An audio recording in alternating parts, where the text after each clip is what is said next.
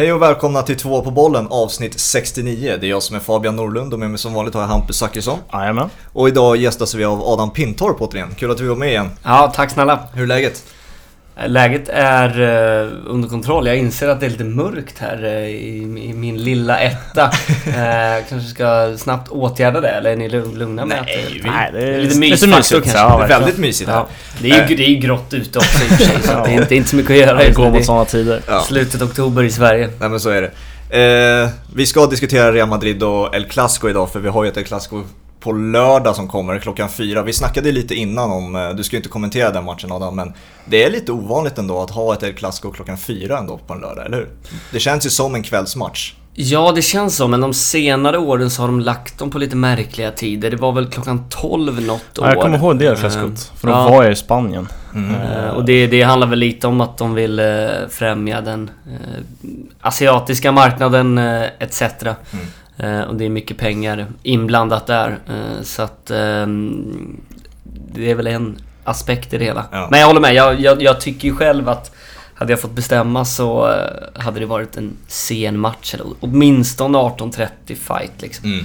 Men samtidigt så här, jag diskuterade med en med en eh, kompis igår att det ligger ganska bra för de flesta 16.00 precis som Premier League brukar, mm. brukar ha eller Serie A-matcherna eh, lördag, söndag som ligger liksom i det mellanskiktet att man hinner göra någonting på förmiddagen, man hinner ta en lunch mm. och så kan man ändå ha en plan på kvällen och det ligger där i, i liksom mellanfacket så att eh, så sett är det väl helt okej okay ändå. Ja. Bättre än 12. Det kan ju lösa sig en rätt bra ändå. Eh, innan vi går in på Real Madrid och Barcelona rent specifikt så tänkte jag att vi kunde diskutera någonting som eh, alltså, togs upp något och blev en enorm grej förra, den förra spelade ligaomgången, eh, VAR.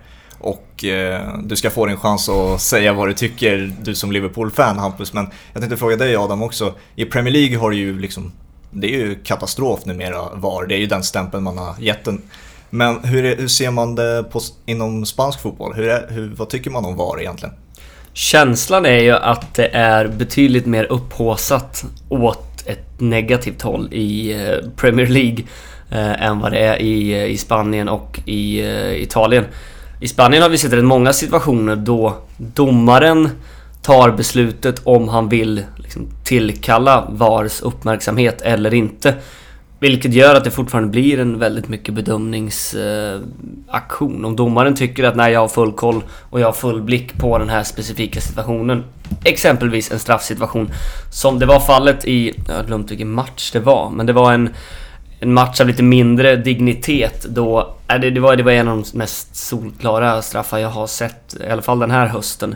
Uh, men det blev ingenting. Nej. Och i efterhand så, så fick man då reda på att nej men huvuddomaren sa att jag, jag såg det här tydligt, jag, jag vill inte veta något mer liksom. Så han, då, då stängs det liksom av. Då kan inte de gå in och ta en straff. Uh, och det kan man väl tycka vad man vill om för att det är, väl, det är väl lite själva anledningen att det finns. Att solklara situationer ska tas. Sen tycker jag att millimeterbedömningar och äh, det, det är ju vissa situationer med vad jag tycker det är skitsvårt och någonstans blir det en bedömning. Mm. Men om vi ska jämföra med Premier League så äh, fungerar det bättre i alla fall och jag tror att vi, eller jag vet att vi, vi är mycket närmare sanning, eh, eller det som ska vara rättvist, än vad vi var tidigare. Mm. Och eh, eh, så länge vi är det så tycker jag i alla fall att man ska se positivt på det. Mm. Har du kommit över det som har hänt? Nej, jag kommer nog behöva bra, bra terapi för att komma, komma över den situationen. Det, ja, det finns så mycket att säga.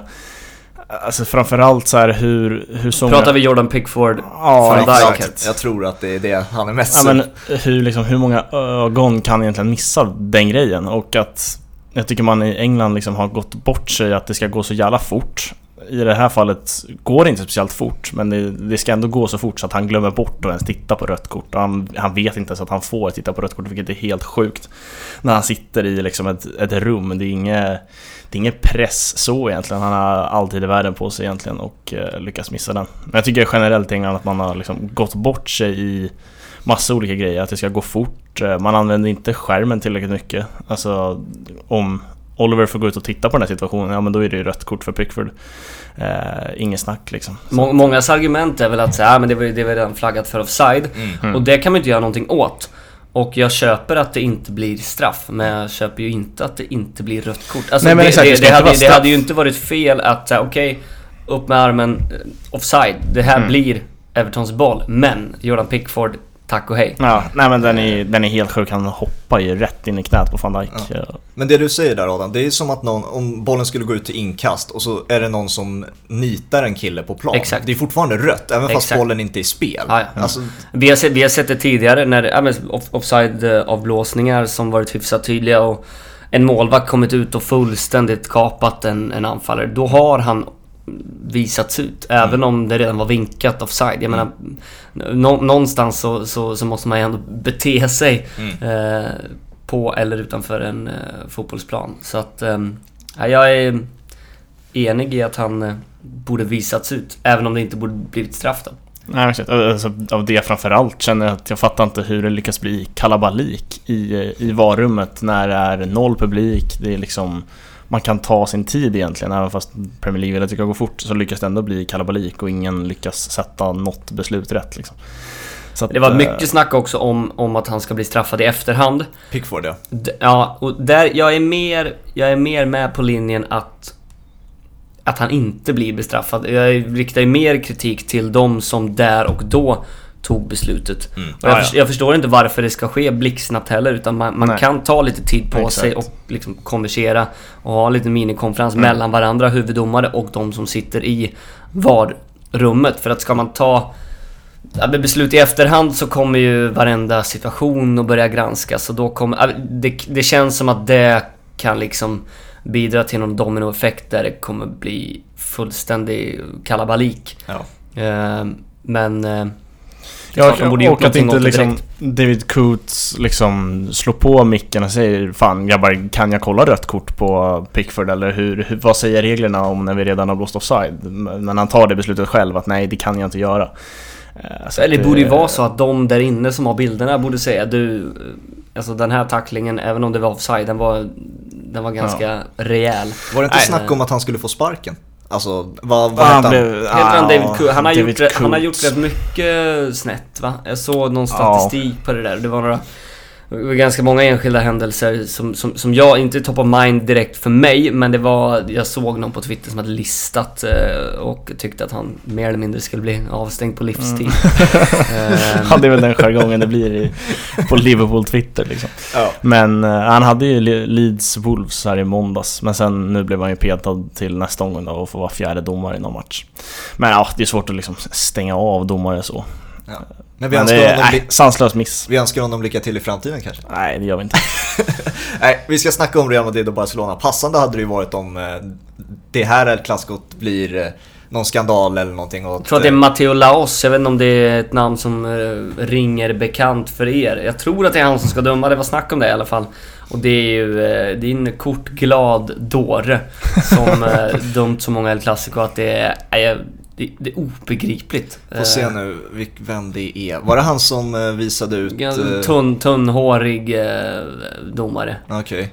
Jag tror jag har en bild i huvudet på vem det är. Jag har ju typ bara en spansk domare, det är han som heter dubbelnamn Gonzales Gonzales eller Fernandes Fernandes Men det, det är väldigt många som har dubbelnamn och av någon jävla anledning Så i Spanien så har man ju alltid pappans namn och mammans namn Så alla har ju Ja. eh, dubbelnamn egentligen. Ta. Sergio Busquets. Han, han körde ju Sergio B på ryggen för att han heter Busquets Burgos. Ja. Eh, Så han vill, han vill liksom inte välja där. Och, men när det gäller domare så används nästan alltid dubbelnamn. Det är eh, Velasco Carballo, det är... Eh, ja, vad är det, vad är det med? Gonzales Gonzales var du inne på. Hernandez Hernandez finns det en annan som heter. Eh, så det... eh, Ja. Monoera Montero Det var brukar inte- man också köra dubbel. Så att jag, jag vet inte varför det, varför det blir så. Att man alltid kör liksom dubbla efter Gonzales Gonzales har ju sjukt nog sett i Spanien när jag var på Real Madrid Getafe och vi satt på någon liten diffus eh, ja, restaurang.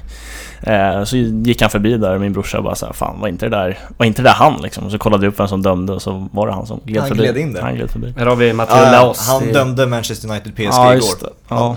Han, eh, han är en domare som ofta liksom syns så det är inget gott tecken Nej, så. overkligt att det är han som av av de väldigt dåliga domarna i Spanien så eh, skulle jag ändå hålla han som en av de sämre. Ändå är det han som, Nej, som får, får döma ut i Europa. Han dömde ju då igår när vi spelade in det här en tveksam straff till Martial och sen så blev han ju så glad att Navas hade klivit ut på när straffen slås då. Att han, Just det, han fick slå om ja. han fick slå om. Han- Man såg ju domaren var nöjd. Alltså jag får blåsa en gång till. Så vad hette han nu igen? Matteo Laos. Så hette han. Eh, det är ju tacksamt både för Barcelona och Real Madrid att vi är mitt inne i en Champions League-omgång nu. De får liksom rätta sitt fel som de hade nu i senaste, eh, sina varsin ligaförluster hade de ju. Eh, vad tog du med dig av de förlusterna? Det är ändå, det var ändå svaga prestationer var det ju, båda två. Ja, och det är så svårt tycker jag direkt när man kommer från, eh, från landslagsuppehåll och många har haft jobbiga resor. Eh, Barcelona spelade ju några, några lirare direkt, bland annat då Messi och han var vä- väldigt svag i matchen mot Getafe. Och gav sig uttryck även i Real Madrids match, men då inledde både Casemiro och Valverde exempelvis på bänken och sen kastade Zidane in dem i paus. Så det, det är Fifa-viruset som man, man kallar det när, när de stora lagen som är rätt hårt drabbade av det där att de har majoriteten av sina A-lagstrupper iväg på landslagsuppehåll. Eh, och kanske ännu mer de som, de som är iväg i Sydamerika som inledde sitt VM-kval här nu också. Eh, det är klart att det, det blir påfrestande men det, det ska inte vara någon ursäkt Kanske framförallt inte för Real Madrid som hade 0, 0 det var 0-6 i målchanser för El Cadiz efter 17 minuter. Ja. Eh, och då, då är man inte påkopplad helt enkelt. Eh, även om det är Casemiro som spelar eller om det är Modric så, eh, så ska man ju såklart kräva att, eh, att de är mer påkopplade. Men delvis underskattning, delvis kanske slitage. Eh, men samtidigt, jag, jag, jag tror inte vi ska dra för stora växlar på en enskild eh, match. Resultaten har väl ändå varit okej för både Mm. Real Madrid och Barcelona inledningsvis och vi har sett det de senaste två, tre säsongerna nu att den absoluta toppen har kanske blivit lite sämre Mm. och de andra lagen har blivit lite bättre.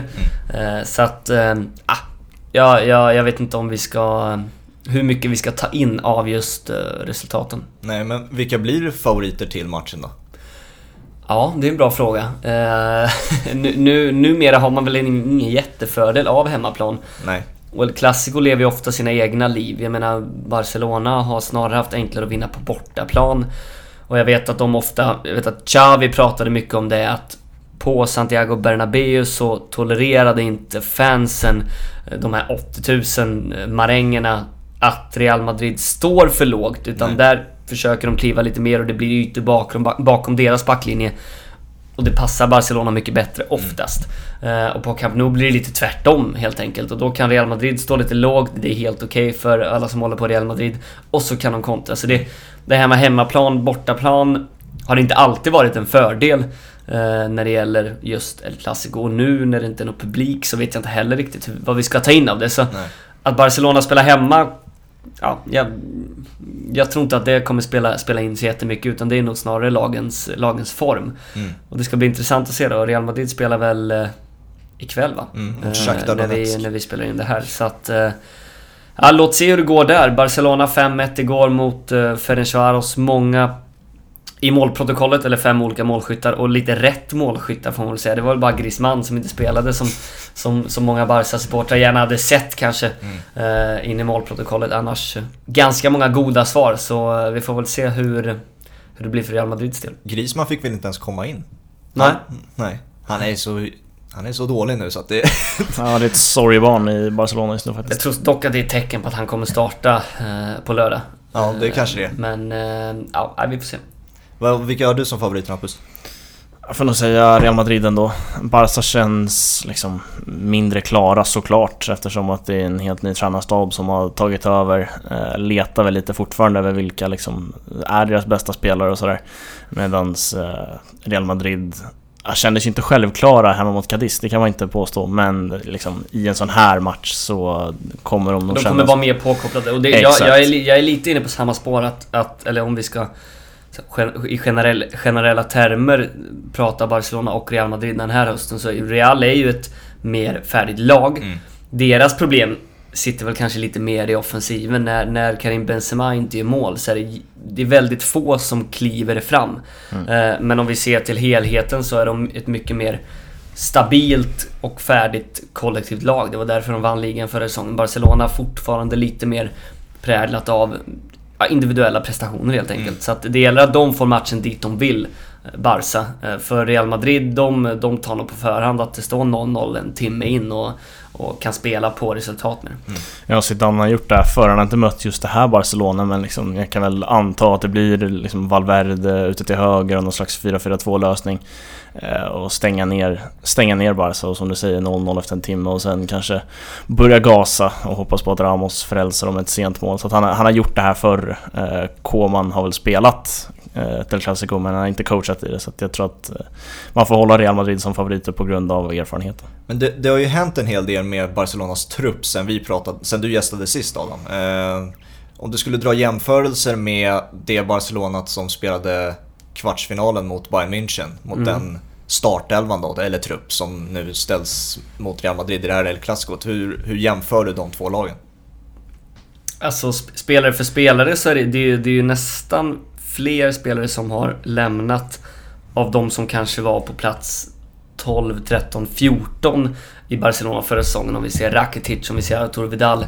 Luis Suarez är väl den självklara startspelaren som eh, som har tackat för sig och Coutinho den mer självklara som har kommit in. Mm. Annars är det ju en, det en identisk eh, backlinje och försvagat på målvaktspositionen eftersom Ter Stegen är skadad och eh, brassen Neto har klivit in och stått här nu under under den inledning, inledningen av säsongen så att eh, spelare för spelare, så jäkla mycket har inte hänt. Det är mer de här unga lirarna som har kommit in och ser väldigt spännande ut. Mm. Men de kanske inte ska få ansvaret eller eh, man kanske inte ska lägga för stor press på dem redan i ett sånt här tidigt skede av, eh, av säsongen. Eh, så det, det är snarare lite mer hur Koman rent taktiskt har valt att ställa upp med det här Barcelona. Dubbla mm. pivot som man kallar det, alltså Frenkie de Jong ner i en lite mer defensiv position. Mm. Och med en tydlig tia som Coutinho har spelat. Det är ju Barca har vi ju vant oss vid att se som 4-3-3 i... I alla fall så länge jag har följt fotboll så har det alltid varit så Barcelona ja. har spelat. Så det, det, är väl någonting som, som, eh, som man har sett förändrats eh, ganska tydligt. Ja, alltså, du är inne på de unga spelarna där och en som inte... En som har automatisk press på sig nu är ju Ansu Fati. Det är liksom, mm. Han kan ju inte göra någonting åt det nu efter de här. Nej, så han kommer, han kommer ju starta givetvis. Uh, tre mål i ligaspelet. Han har gjort mål i landslaget redan där han känns ganska given. Han har startat tre av fyra Nations League-matcher för Spanien. Mm. Och igår då, efter några matcher eh, där det gått lite knackigt för honom så, så gör han eh, ja, ett mål och en assist. Yngst någonsin att göra det i Champions League. Och, ja, jag blir väldigt förvånad, ännu mer när de spelar just på hemmaplan, om Ansu Fati inte startar den här matchen. Jag menar, han är ju Nej, han, är, han är väl den hetaste offensiva spelaren Barcelona har. Kanske tillsammans med eh, Coutinho. Så att, eh, det, det är klart att han ska starta. Om man ska jämföra yttrarna liksom Barca och Real så är det ju liksom ja, ungtupparna man fokar vid. Jag tycker Ansu Fati känns mycket mer självklar än Vinicius och Rodrigo. Liksom, de svajar för mycket i deras prestationer. Ansu Fati det känns nästan som redan nu vet man vad man får. Mm. Att så här, det är en dödlig avslutare mm. och han är, vad är han, 18 år gammal. Så att, 17? Uh, inte ens det? Nej, inte ens det. 17 så att, uh, Alla Neom sa när han skällde ut honom för att filma här, härom, häromhelgen i matchen mot Getafe så ja. han fångade micken upp när han skrek det. Du är 18 år och filmar så här. så var det någon som skrev alltså, Allan har du inte koll? Han är bara 17. ja, nej, alltså, han är helt... Otrolig utveckling på honom. Eh, och jag Sen, tror att också att det bara kommer fortsätta. Han känns, eh, känns som en supertalang som kommer gå vidare och ta stora steg. Han är ju han är inte, han är inte helt liksom polerad. Vi såg när han kom in mot Getafe, ville mycket. Och så sprang han liksom in i sin motståndare typ fyra gånger och det ja. var inte riktigt hans match. Nej. Men jag är helt enig om vi jämför med, jag håller Vinicius, han är i alla fall längre fram än Rodrigo just nu om, ja. vi, om vi tar jämförelsen med Real Madrids unga eh, ytterforwards. Och alltså, Vinicius har ju någonting i form av att han är han har, han har en sån otrolig explosivitet och han är bra emot den. Men han är ju alltså, han är så fruktansvärt bedrövlig när det gäller att ta det avgörande beslutet. Ska han spela? Och han är jävligt dålig på att spela i rätt lägen. Det känns som att hans precision i både passningar och i avslut är ja, men undermålig så många gånger. Och mm. när han väl gör mål så... jag tror många madridistas delar också att det känns snarare som att han har lite flyt ibland. Ja. Ja, Eh, 100%. och eh, Ansu Fati har en mycket mer tydlig USP. Han kanske inte är lika bra och tar sig inte runt lika många gånger som eh, Vinicius, men han är han är jävligt bra avslutare och han är 17 år och jag menar han, han har en av de, så att han har en av de högsta eh, alltså skott på mål. Eh, i, alltså i statistiken skott totalt så har han bland de högsta när det gäller att träffa på mål. Ja det känns ju Eh, så det när han träffar någonting. mål så blir det mål. Alltså, Ofta så här, han, han såg också någon statistik att han hade Alltså skjutit typ så nio skott på mål och gjort sex mål eller någonting sådär. Mm, Det var en mm. helt löjligt i starten av säsongen. Sen tror jag att Real Madrids profil gör det svårare för liksom alltså Vinicius, eller Rodrigo för den delen också, få det här liksom riktiga lyftet och flyga några matcher på det för att man får egentligen inte så mycket chanser. Eh, Även fast de är liksom, de är ju dominant och så, de vinner de flesta matcherna de spelar i Real Madrid men de öser inte på och gör 4-5 mål som de kanske gjorde förr i tiden. Eh, medan Barca har en större vana att faktiskt göra 4-5 mål och då får ju Ansu Fati sina chanser. Så att jag tror att liksom, profilen gör det svårare för att de alltså, får det här liksom verkliga lyftet och man måste kämpa för det lite mer och då kan Vinicius se lite trubbigare ut än vad Ansu Fati gör. Det ska bli intressant att se hur eh, Zidane väljer att eh, formera sitt lag nu, nu på lördag. För att jag minns förra, förra Clasico som spelades på, på Camp Nou. Då lirade han väl med Valverde ute till höger Exakt. och Isco startade, tror jag, i utgångsposition till vänster. Men båda är ju egentligen ganska centrala i... i Mm. Alltså det är där de trivs som allra bäst. Och så hade de Modric, Kroos och Casemiro. Det var snarare ett femmanna mittfält. Ganska kompakt, ganska centrerat och ja, Benzema som liksom huserade. Uh, för Bale kom väl in då, han startade inte. För jag vet, Valverde startade ju och Isco Ja, startade exakt. också, för Isco var ruggig den matchen. Men just i ett sånt här möte nu så tror jag att Vinicius hade passat perfekt. För att Mm. de kommer få mycket ytor. Och Jordi Alba är väl skadad så det är ju Sergio Roberto kommer ju spela på en högerback för han lär väl inte kasta in eh, han amerikanen Dest där Nej. Riktigt, direkt i, eh, i, i ett sånt här möte. Tror jag inte. Han kanske kommer starta till vänster men Sergio Roberto lär väl spela till höger. Och ah, alltså, med, med, med mitt fotbollsöga så låter det ju som en perfect match för Vinicius Junior att ha mycket yta och ställas mot Sergio Roberto på den kanten. Så att... eh, mm, jag- Jag hoppas liksom för Real Madrids skull och för matchens skull att, att han inte väljer det fega alternativet inom eh, citationstecken och spelar med liksom fem centrala fältare och Benzema utan att han faktiskt får ge plats till Vinicius redan från start. Överlag känns det som att Real Madrid, alltså, de kan hota Barca ganska lätt med fart. Alltså, Sergio Roberto är inte världens snabbaste, Piqué långt därifrån. Så det, det är lite tröga figurer i den backlinjen och kan man hota i djupled, vilket kanske inte Benzema gör Absolut, han är bra i djupled men det är inte så att han sticker iväg och ingen kommer ikapp honom. Eh, Men Vinicius kan ju vara en sån spelare som Mm. går iväg i djupled och ingen kommer ikapp.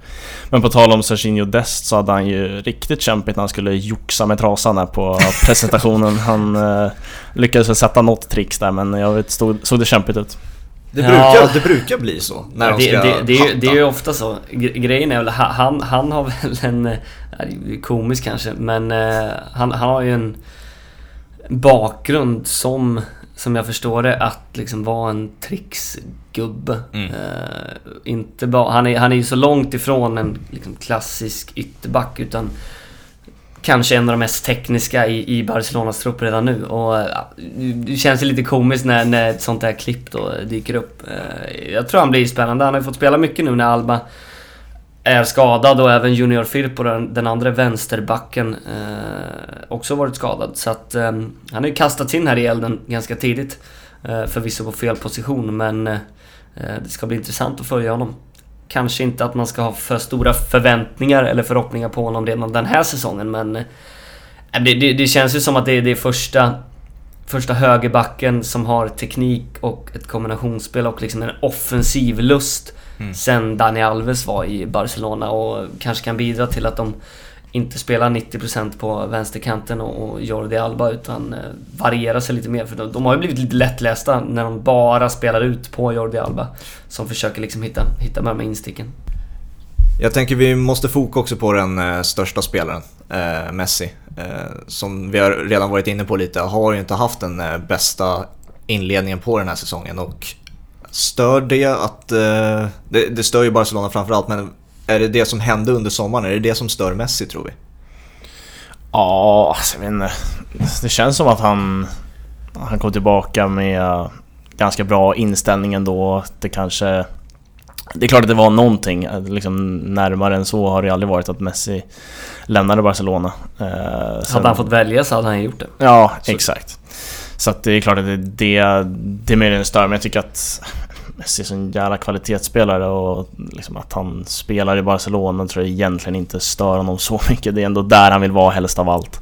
Eh, så att, ja, det har väl inte sett jättebra ut de här första matcherna, men han gör ju ändå sina mål på något sätt. Men ja, absolut kan det ligga någonting bakom hela den grejen att inte kommit igång så som vi brukar se Messi kanske. Ha, alltså så här, Nej, han har inte gjort lika kanske lika mycket poäng och alla hans mål har varit på straff så här långt. Det är väl tre till antalet tror jag. Mm. Uh, om vi även räknar in en i landslaget med Argentina här. Men, uh, men ser man till hans inställning och hur han agerar på planen. Han har ju aldrig varit den självklara ledaren egentligen. Återigen då för att koppla till den här situationen när alla Nyom skäller ut uh, Ansu Fati. Alltså hade det varit Carles Puyol som hade varit på planen.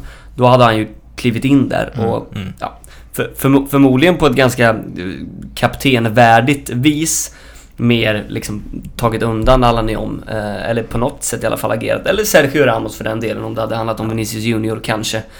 Messi har inte riktigt den ådran i sig, agerar kanske inte så mycket som en kapten på planen och då kan det lätt se, se så ut att han är lite tjurig och så vidare. Men eh, jag tycker han spelmässigt eh, ser ganska okej okay ut. Jag menar matchen igår mot Ferencvaros jag tror att han Who Scored, tror jag i, i sin liksom bedömning när de tar in allting, att han landade på 9,2 av, av 10 mm. möjliga. Och, ja, nu var det kanske inte toppmotstånd men eh, jag tror att eh, vi kommer få se en ganska motiverad Messi. Jag tror inte det är någon faktor i alla fall att han går runt och tänker på sin framtid utan har fullt fokus eh, här och nu och vad, vad, som, eh, vad som kommer sen. Om han blir kvar, ah, jag tror att han eh, det får han ta nästa sommar. Mm. Vi diskuterade ju Messi-situationen med Marcelo när han var här eh, och mm. gästade.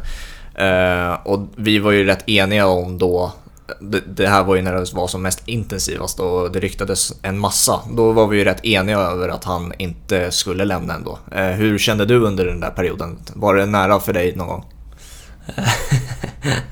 ja men det är, det är som alltid med rykten kring stora, stora spelare. När det när det, bör, när det börjar liksom tissla, tisslas och tasslas lite, då, då kan man men, ta det med en axelryckning. Men, men när det börjar pågå i två veckor i sträck och blir liksom följetongar och det, det är första sidorna på i stort sett alla tidningar. Då vet man att det finns substans i det och att det, det är på riktigt någonstans. Mm. Uh, jag, jag var... Jag, jag började också så lite se fram emot, för jag, den barriären kom jag över, att så här, okay, det kanske blir rätt häftigt att se ett Barcelona utan Messi. Vad, vad kan Coutinho och Griezmann göra i den rollen om Messi inte finns där? Ja men så. Mm. Uh, men sen att han blev kvar ändå, ja, det, jag gav det aldrig 100% att han skulle, att han skulle lämna. Nej. Men... Uh, och eventuellt så kommer han väl få som han vill. Vi får se om det blir innan mars här nu om uh, president Bartomeu lämnar sin post innan det eller inte. Han kan ju också bli avvisad av eh, medlemmarna som faktiskt kan rösta bort honom här om ett par veckor. Mm. Eh, så att eh, då tror jag Messi inombords ler ännu mer. Och det var väl lite det som, som var hans liksom, stora vilja. Dels det och att han vill se ja, men ett sport, sportsligt projekt och, och att det finns en framtid i den här klubben. För han inser väl att så många år har han inte kvar och han vill försöka stapla några vare sig det är ligatitlar eller Champions League, helst båda delar. Mm. Eh, här nu under sina sista år. Mm. Och kontraktet går ju ut nu det här, mm. den här säsongen. Eh, du säger att eh, vi, ja, vi får vänta och se tills den sommaren, men jag vill ändå att vi spek spekulerar lite. Vad, mm. vad tror vi? Blir det ett Manchester City för Messi nästa säsong? Jag, jag vet faktiskt inte. Nu, nu när han blev kvar så, så är min känsla i alla fall i dagsläget att Bartomeu kommer vara ett minne blott när vi, när vi tar oss in i nästa sommar och då kommer ett nytt projekt finnas där. Mm. Tveksam om det är Koman även om han kommer eh, vinna en eller flera titlar. Eh, utan då kommer någon ny president komma in och alla kommer ju presentera ett framtida projekt där Messi är huvudfigur inom den närmsta framtiden. Eh, och jag tror att det skulle locka för Messi att en Xavi kommer in på en tränarbänk. Eh, sen får vi se. Det, beror kanske lite på hur det går den här säsongen också, vem som blir eh, president. Men eh, eh, jag, jag, tror nog ändå att nu när han blev kvar så blir han nog i Barcelona. Kanske inte hela karriären men då flyttar han nog hem till Argentina eller någonting om mm. några år istället. Nej, jag tror dels det att Bartomeu inte blir kvar med största sannolikhet och sen också att Pep Det kommer han ju inte. Nej. Antingen så ryker han nu eller, eller i mars. Ja. Så det, det, så blir det. Och sen att Pep Guardiola börjar kännas ganska klar med City ändå. Eh, tycker jag. Det, liksom, han, han ser inte så jävla liksom, taggad ut så. Eh, och pratar Han vill bli den. president en dag i Barcelona har han sagt. Kanske ja. en perfekt läge nu. Jag tycker inte han pratar, pratar med den glöden riktigt eh, liksom, i City. Så att jag tror inte att han kan presentera ett City-projekt som gör att Messi är mer sugen på att gå dit heller. För det är väl därför han i så fall ska till City. Eh, cashen finns där och Pep Guardiola finns där. Annars tror jag Messi och, hellre spelar Barcelona. Och hans bästa polare Sergio Agüero. Just mm. eh, han är gudson till Agüeros son va? Ja, så är det. Eh, som dessutom har Maradona som eh, morfar. Det är han no pressure kid. eh, sanslöst alltså växa upp med Maradona som morfar, Agüero som farsa och Messi som, eh, vad kallar man det, gudfar. Ja. Benjamin Agüero va? Är det så? Ja, jag tror jag. Så vi får se om 20 år, vad fan han men, har gjort. Och, och Agüero dansar väl lite på sista versen i alla fall i city. Så att ja. Eh, det kändes också kanske som att skulle han lämna så, så ökar inte den sannolikheten att, att, eh, att Messi drar dit. Men han har öppnat dörren i alla fall. Det gjorde han ju för, för någon månad sedan. Så att jag tycker inte vi ska stänga den helt. Eh, många parametrar kommer, kommer, kommer spela in och det är fortfarande ett utgående kontrakt. Så att då, då, då är förutsättningarna helt eh, annorlunda. Så att eh, ja, vi får se. Ett problem jag har sett med Messi, eh, och du får rätta mig om du tycker att jag har fel här eh, Adam, men eh, sen Ronaldo lämnade Real Madrid så har han inte levererat i El Clasico. Alltså sett till mål och assist så tycker jag inte han har gjort det i alla fall. Spelmässigt så är han ju Messi, han är ju där och gör sina briljanta grejer med bollen. Men det kändes som att han hade alltid en extra motivation varje gång Ronaldo var på plan. Det var en match i match, som, matchen i matchen som liksom gjorde att El Clasico blev den tillställningen som verkligen gjorde matchen ännu mer spännande. Alltså Benzemas fel eh, att eh, Messi inte är tillräckligt bra. Du är ingen, du är ingen lika värdig motståndare som han portugisen som alltså, är i... Jag, jag kanske är helt fel ute, men jag, alltså, vad jag kommer ihåg i alla fall sen sommaren 2018, de El Clasico som har spelats, så jag, jag tror inte Messi har gjort ett mål. Det är helt sjukt nu att jag fan knappt kommer ihåg första Clasico-matcherna utan Ronaldo. Jag minns dem förra säsongen. Eh, 0-0 i Barcelona, då var han väldigt blek. Mm. Och sen förlorade de på Bernabéu med 2-0, då var han också ganska blek. Så att där kan jag väl köpa det. Sen så vet jag inte om, om, eh, om det har med Cristiano Ronaldo att göra. Jag tror inte att han går runt och tänker på det under, under eh, tillställningarna mot Real Madrid. Men, eh, men jag tror att det, det har påverkat hela ligan tror jag på något sätt. Mm. Och även Messi, att han inte nått upp i samma höjder när det gäller mål. Eh, och det, det har ju Ronaldo själv sagt att de, de motiverade ju varandra under nästan tio års tid. Och, mm. ja, det var en häftig, häftig resa. Trist att han eh, han missar väl första mötet nu, Juventus-Barca nästa vecka. Är det så? Fy fan vad tråkigt. Jag tror det va? Ja, just nu ser det väl ut så. Han har inte testat negativt än. Men det räcker väl med att han det känns ju som att han går in på en träning om ens det liksom. Ett, ett negativt mm, test så står ju Ronaldo redo där.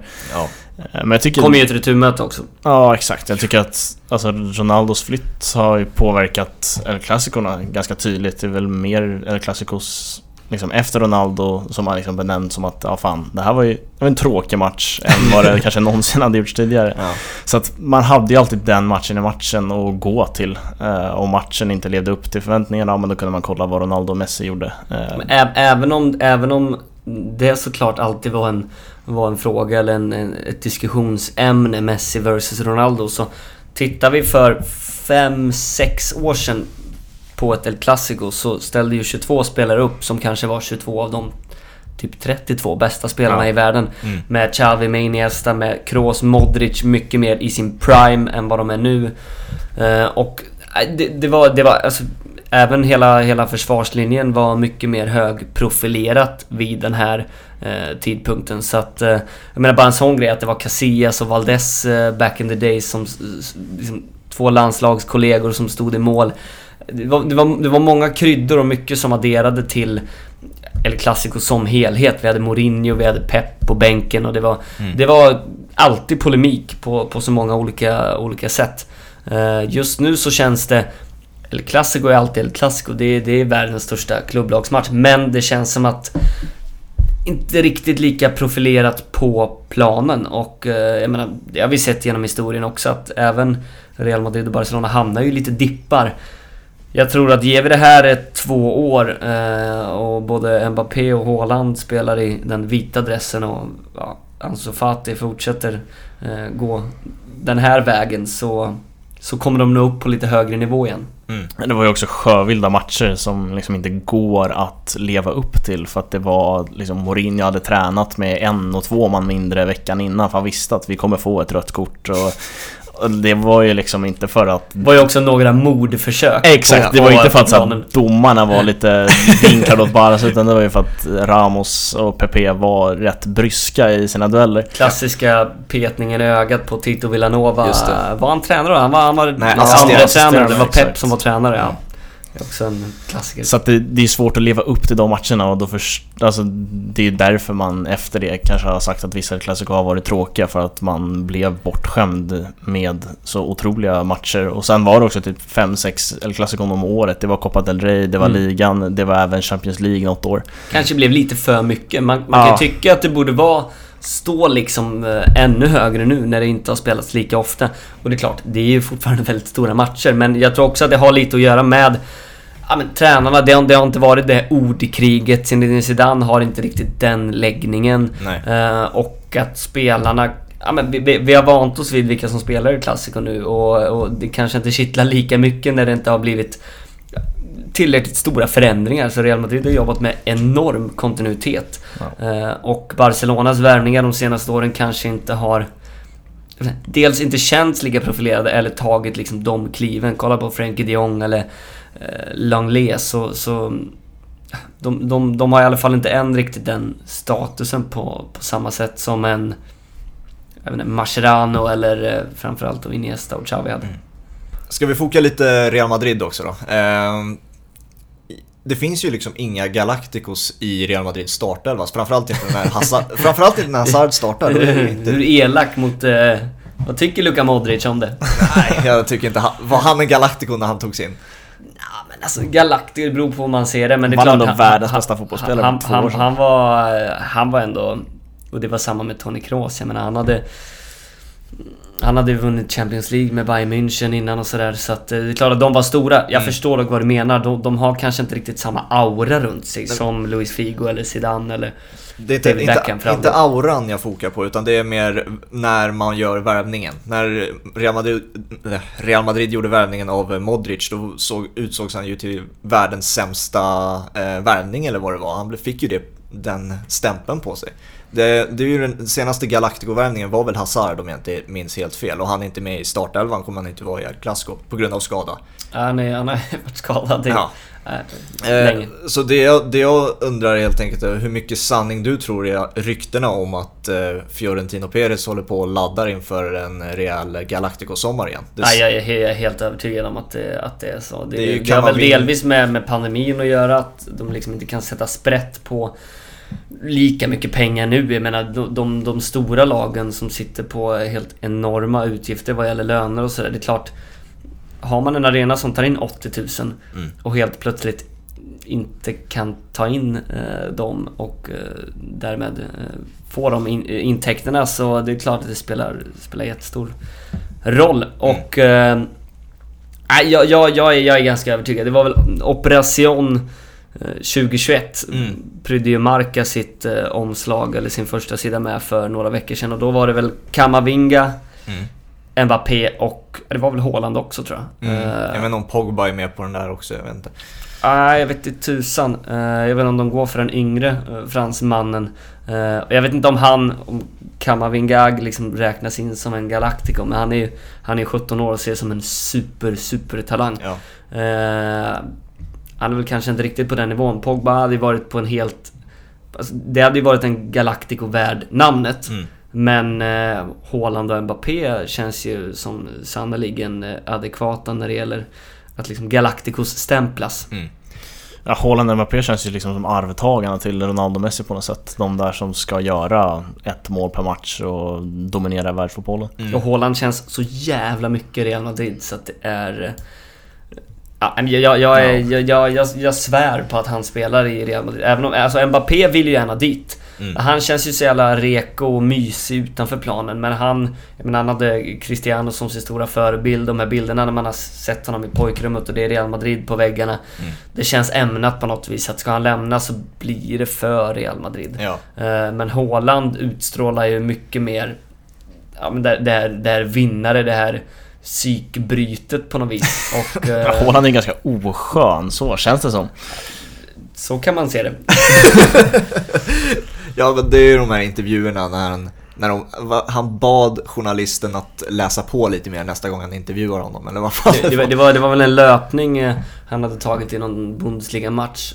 Då ställde han ju motfrågan, vadå såg du inte löpningen mot Freiburg? Eller något i den stilen. Och, ty- och, och tyckte att eh, han borde, borde ha sett alla löpningar han tagit den här säsongen. Varför reportern svarade ju, äh, jag, jag har ju en son hemma eller någonting i den Jaha. stilen. Nej, det, det, blev, det blev lustigt men eh, han, han verkar ju han verkar ju jäkligt omtyckt av många lagkamrater. Han och Martin Ödegård har ju en bra relation som man ser det om man, om man följer sociala medier och, och kollar på intervjuer och sådär. Ödegård känns ju raka motsatsen eh, till vad Erling Haaland är. Så att... ah, känslan är väl, och det har han ju sagt själv, att han inte gillar Kanske inte inte gillar journa- journalister, men han gillar, han gillar liksom inte det formatet att sitta och bli intervjuad och han tycker ofta att de, de ställer samma frågor och... Eh, att, det, att han, han, han gillar inte riktigt den typen av uppmärksamhet. Han vill, han vill bara in och visa på planen. Men, eh, men eh, alltså han har ju... Alltså han, han verkar ju vara eh, lite psykopatvarning också. Vilket man också kan tycka är rätt skönt. Det det är ju en vinnare ute i fingerspetsarna. Har Sen vi- ska ju Erling Haaland också till Leeds. Det är hans största Nej, dröm att vinna nej, Premier League med Leeds. Sluta för fan. Han är född i Leeds. Ja det vet Bara en jag. sån sak. Men bytte ju tröja med Stuart Dallas. Ja, efter, exakt. eh, Så att han... eh, ja, det är en landskamp. sjuk människa som gör det alltså. Ja, men det är ändå fint på något sätt att han... eh, D- där, han ble, där blev han ju mer human och där började Ja. man ju uppskatta honom på ett helt annat sätt tycker jag. Eh, än de här intervjuerna när han kritiserade en reporter som ställde okej frågor. Ja. Eh, när han går fram och ber om eh, Dallas-tröja då... D- där eh, fick han ju en guldstjärna i min bok. Men så du säger, han, han är ju lite, han har en skruv lös på något sätt när han spelar fotboll i alla fall ser det ut som. Har vi någon inom världsfotbollen som har haft den där lite psykbrytet? Alltså som Ja, har nått, många. Nej, men som Vi- har nått vi- vi- världstoppen Vi snackar har jag. ju en svensk som fortfarande är hyfsad som spelar i Ja. ett rödsvart. Men han är ju kaxig på ett annat sätt. Det här, han, han ser helt jävla sinnessjuk ut ibland, eh, Haaland, på stillbilder jag man tar. Fast Zlatan är ju mer, han är ju fotbollsspelaren Zlatan i, i första, andra och tredje hand. Och människan Zlatan kommer väl på fjärde plats. ja. Lite samma sak känns eh, Haaland. Mm. Eh, jag vet inte om han är lika noggrann, det är samma med Ronaldo, att han är lika noggrann med sin, liksom, sin kropp och sin kost och allt så. Men det känns som att han... Eh, han, han hans egen eh, tydliga liksom, vision om varför han är satt på jorden, det är för att han ska bli bäst på fotboll. Mm. Eh, och det kan man väl eh, jämföra med Zlatan. Ja. Det, finns, alltså, det känns som att det finns många spelare som har det här lilla psykfallet i sig. Liksom. Det är Richard Leeson tänker jag direkt på. Sen Ignacio Abate, gamla högerbacken i Milan. Det är ju psykfallet nummer ett alltså. Men kanske inte de spelarna som har nått liksom allra... Nej, det är Nej, jag snackar världstopp, jag snackar världstopp nu liksom. Det, Ja. Alltså Di- Diego Costa är många som hävdar att han är väldigt, eh, väldigt snäll och empatisk och omtänksam utanför planen. Han har ju också en skruvlös när han väl spelar fotboll, utan då, då Verkligen. handlar ju allting om att vinna. Eh, och jag menar, han har spelat Champions League-final, vunnit både Premier League, La Liga, spelat världsmästerskap. Det är väl, det är väl världstoppen någonstans.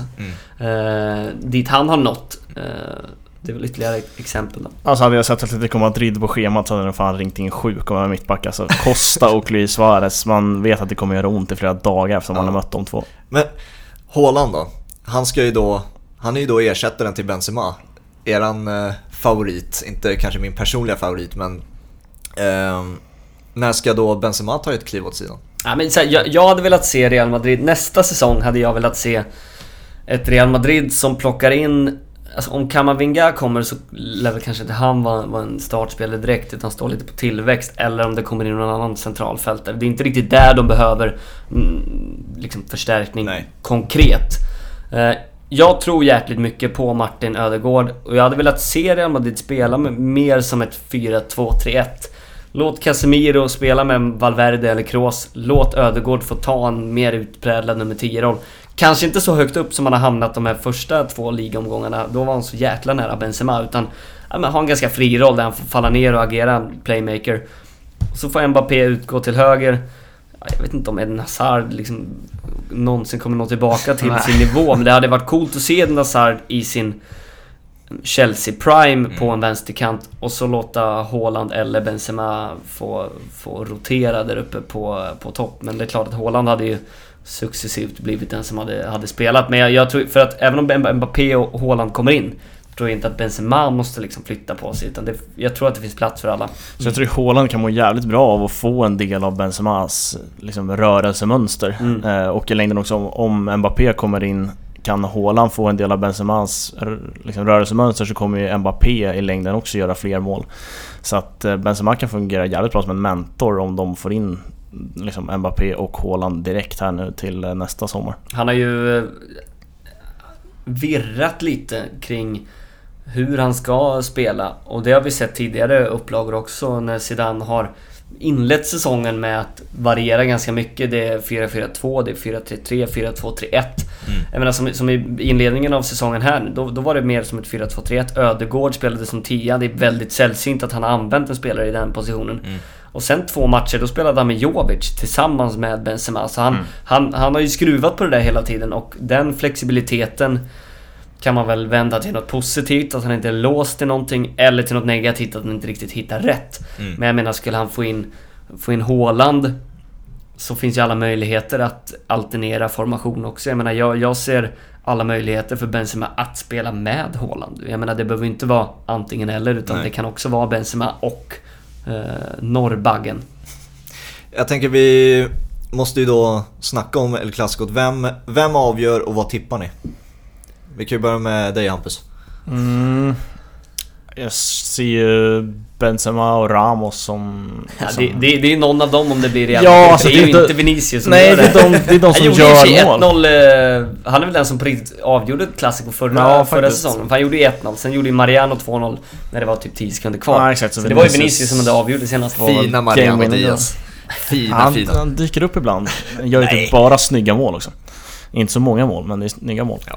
Eh, nej, men jag ser väl, eh, ser väl Benzema som matchvinnare då.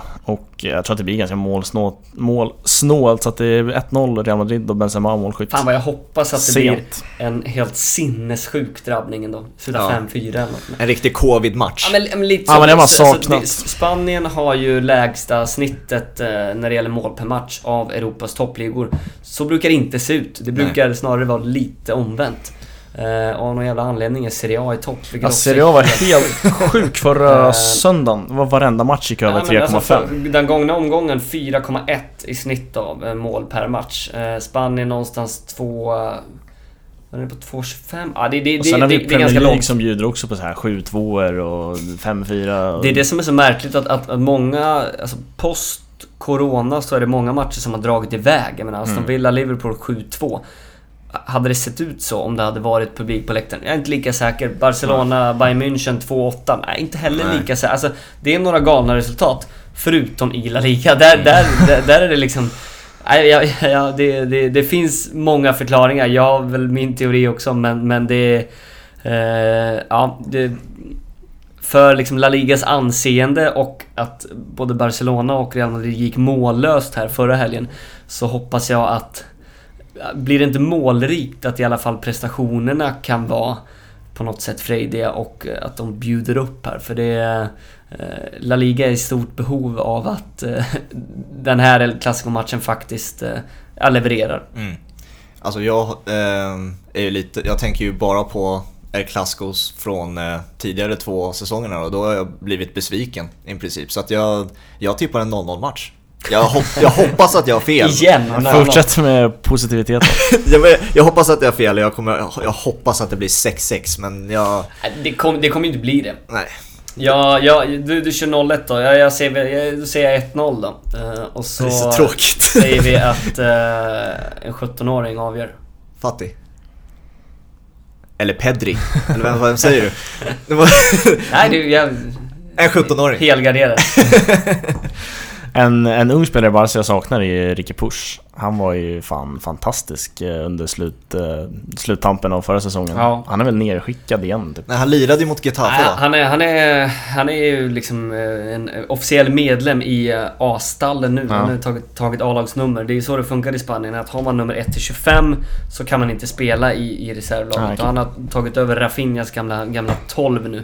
Så att han, han fick ju hoppa in där mot Getafe några, några minuter. Eh, Ronald Koeman eh, var ju ganska tydlig när han inte plockade ut honom till Ja, det var sista träningsmatchen innan premiären. Eh, De brukar spela en eh, traditionell match på Camp Nou. Normalt sett så är det då alla A-lagsspelare presenteras för hemmafansen och så har de bjudit in något lag och sådär. Eh, där var inte han uttagen och det blev ju eh, ramaskri. Och där och då gjorde han sig ganska impopulär. Han väl kanske inte riktigt förstått eh, vilken, alltså vilket stort inflytande och vilken populär spelare Ricky Puig ändå var hos supportrarna och i hela Barcelona. För han, han har ju alltså sagt nej eh, till andra klubbar tidigare trots att de har kommit med A-lagskontrakt. Han har valt att stanna i Barcas B-lag för att han har en så stark vilja om att det är här eh, han vill lyckas. Ehm, Och jag tyckte att förra säsongen som du var inne på, han var ju ruskigt bra. Startade ju en match mot Atletico Madrid och det var väl verkligen ett eh, liksom mandomsprov. Att han gjorde en sån bra match mot ett sånt motstånd eh, tycker jag signalerar att han, han är redo för mer. Men Mm. eh, han hävdar ju att han inte riktigt fungerar då i hans formation eh, 4-2-3-1. Men ja, vi får väl se. Han, han stannar i alla fall. Och, men det kanske, det kanske blir några minuter här och där. Det, det, han, har, han har svårt att ta plats. Mm. Pedri verkar ju verkar prioriterad. Mm. Mm. Jag tänker vi knyter upp säcken där helt enkelt. Ehm, Adam, stort tack att du ville vara med igen. Tack själv. Uh, var kan vi hitta dig på sociala medier? Uh, ja men... Ett Pintorp då, mitt efternamn med... Där man trycker in ett H där mitt i allt. Eh, Ja. Men... eh, ja, mm, man hittar mig om man försöker. Det finns i avsnittet någonstans, hittar vi ditt namn också. Uh, vad... Nyligen krönt eh, Chrysaleta-vinnare. Just det, grattis! Just det. Ja, ni var, ni var med och... och Ja, med ett utmanarmöte där ja. eh, det, det såg jag. Hoppas att vi får vara med och slåss mot er stora bjässar också någon gång i framtiden. Eh, ja, oss hittar ni på Instagram och Twitter framförallt. Eh, kört ut lite Champions League-tips där nu de här dagarna. Eh, Instagram är det två bollen och eh, Twitter två bollen. Yes, så ser vi fram emot El Clasico och sen så vi. har vi Rob, eh, Robin Dronsfield, Tottenham-poddaren från Ledley Kings knä, ska gästa oss nästa vecka och bara snacka Tottenham då. Får vi se hur han mår efter den kommande helgen. 3-3. Ja, det är en klubb i berg och dalbana får man verkligen säga. Verkligen. Så det blir spännande. det blir kul. Eh, så får ni det bra så länge, ni som har lyssnat. Ciao. Ciao. Tja!